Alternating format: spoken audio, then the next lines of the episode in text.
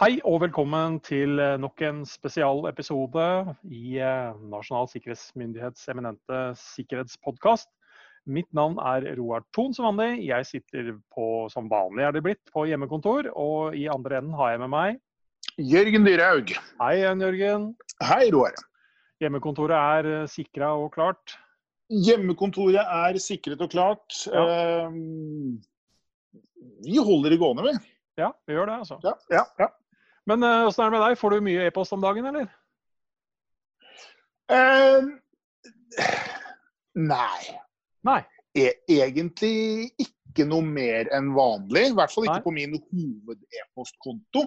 Ja. Uh, der er det ikke noe ekstraordinært i disse tider, faktisk. Men du har en hoved-e-postkonto altså? Mhm. Jeg har uh, jeg har i årenes løp hva skal jeg si, mm, funnet det mest hensiktsmessig å ha en jeg skal ikke si en del. eh, Nå skal jeg telle. En, to, tre, tre e-postkontoer. Som jeg bruker til litt forskjellige ting. Eh, Jeg har en eh, hva skal jeg si, privat, som er den som brukes i det daglige. Hvor all hva skal jeg si, offisiell korrespondanse går fra. Og så har jeg et par sånne skal vi kalle det, lure-e-postkontoer som jeg bruker mot tjenester hvor jeg vet at det ikke vil være behov for noe annen kommunikasjon enn en ekte e-postadresse som jeg kan svare på. Eh, Hva som er status der, vet jeg ikke, men eh, at de kanskje renner over av drit, det, det er faktisk fullt mulig. Fordi Det var egentlig det jeg tenkte vi skulle prate litt om i dag. Fordi det er faktisk noe som kan være litt smart uh, å tenke på. Uh, og du har egentlig illustrert det her veldig godt. Uh, nå sier du at det var si, praktisk eller, eller, lurt. altså På et eller annet tidspunkt så har du for mange e-postadresser, så begynner det å bli litt lite, Ja, eh, det- det- praktisk. Ja. Sånn i det store og hele. Men jeg gjorde litt det samme som deg. Jeg har brukt denne teknologien nå i ganske mange år, og den første ordentlig offisielle e-postadressen som jeg fikk eh, fra en eh, norsk teleleverandør, så gjorde jeg si, en vurdering som passet veldig bra, og som har fungert ganske optimalt, egentlig.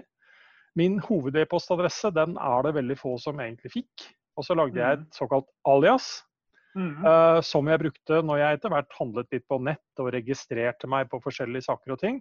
Og Mhm. den er litt sånn som du sier, den svømmer over av uh, diverse Altså rett og slett søppel. Mm. Fordi du har brukt den e-postadressen på leverandører og andre som ikke nødvendigvis har tenkt å passe på e-postadressen din på en god nok måte, eller sågar de selger den videre og rett og slett har den ender Ja, opp i ulike lister. Men eh, jeg må jo samtidig si at på et eller annet tidspunkt så har jeg vel tydeligvis også stort på noen som jeg ikke kanskje burde ha stort på, fordi hoved-e-postadressen min ble også etter hvert eh, et offer for at eh, det begynte å renne inn veldig mye annet der òg. Det kan Mm. godt hende at det hadde med meg å gjøre, at jeg ikke var flink nok. Mhm. Det gjorde faktisk at jeg for noen år tilbake etablerte en tredje e-postadresse, som nå er veldig, veldig strikt eh, på hva jeg Mhm. bruker den til. Banken min, altså en del sånne ting, og offisielle registre, altså sånne mm. skattemelding og den type ting. Ja. Um, der bruker jeg den. Mm. Så nå har jeg tre nivåer. Mhm. Og igjen, hvis vi, hvis vi liksom skulle si ok, dette kan, for- kan kanskje for mange høres veldig upraktisk ut, det kan være greit å forholde seg til igjen, men, men hva, er det, hva er det praktisk for deg i forhold til eh, Ja, kanskje ikke praktisk, men hva, hva er det beste for deg ved dette sånn i et sikkerhetsmessig perspektiv? Da? Nei, det- er jo da at jeg har eh, e-postadresser som er jeg håper å si eksponert og kompromittert. Men de inngår ikke i den, hva skal jeg si, den digitale daglige driften eh, i mitt liv. Så eh, det er en betydelig mindre sjanse for at jeg får en e-post som jeg da skulle komme til å klikke på og sette i gang eh, mye styggedom som jeg absolutt ikke er interessert i, da er jeg Jeg tenker i hvert fall at jeg har skjøvet den muligheten for å få noe inn på mine maskiner som jeg ikke har lyst til å ha der, langt vekk. Ja. Og så skal det er en eller annen e-postleverandør som skal få lov til å slite med dette på sine servere. Og så tenker jeg good luck. Og så har jeg mye mindre, mye færre jeg holdt på å si, hendelser der jeg er til vanlig, ja. hvor jeg har mulighet til å tråkke feil. Altså jeg, jeg, vil nærmest si at min fordeling på dette her er at uh, min, mitt alias e-postadresse, som jeg helt bevisst har brukt til diverse sånne altså ja, netthandel, den type ting, uh, den står for 75% av alle leveransene av uh, søppel og svindel-e-post som jeg mottar. Mm. Mm. De resterende 25 kommer på det som jeg trodde skulle være min sikre konto, men som jeg måtte kaste et håndkleet på til slutt. Som jeg kanskje fortsatt bruker sånn i store og hele. Og summen på min, min virkelig liksom, hovedviktige e-postadresse, den, den, den, er lik null, altså.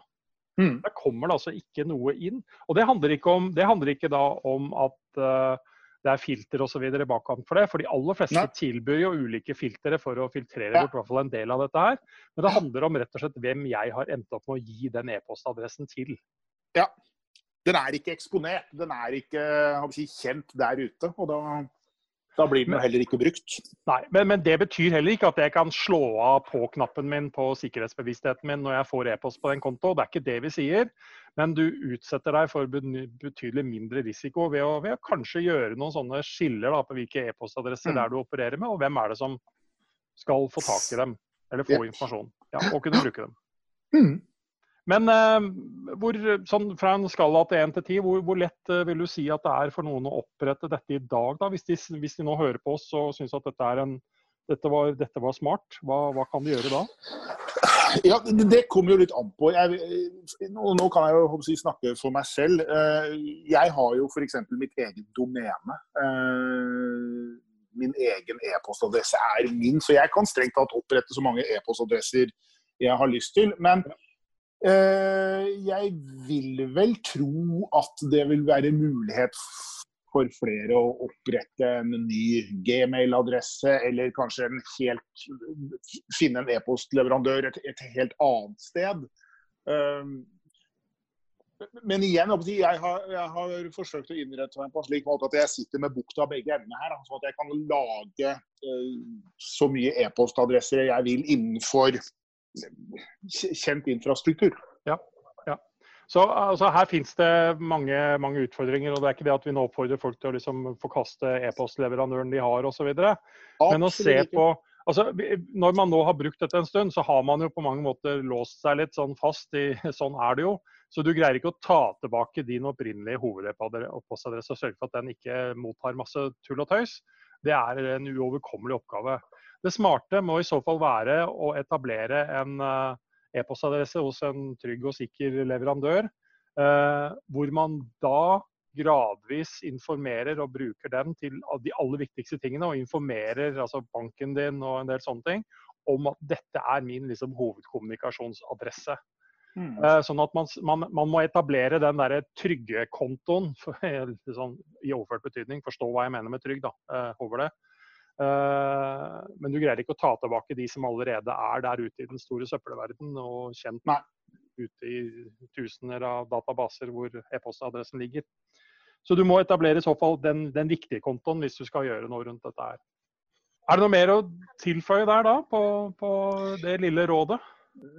Nei, eh, men jeg, jeg, tror vi har vel vi har vel fått frem budskapet om si, hvorfor vi synes det er lurt å, å, spre denne risikoen over flere kontoer.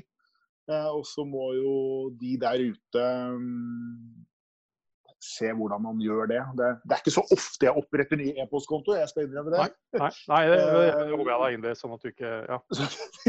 Så mange opererer jeg jo ikke med. Men uh, at, at, det ligger en, en veldig i mitt hode ganske åpenbar logikk bak. Det, det, det, håper jeg vi har fått frem.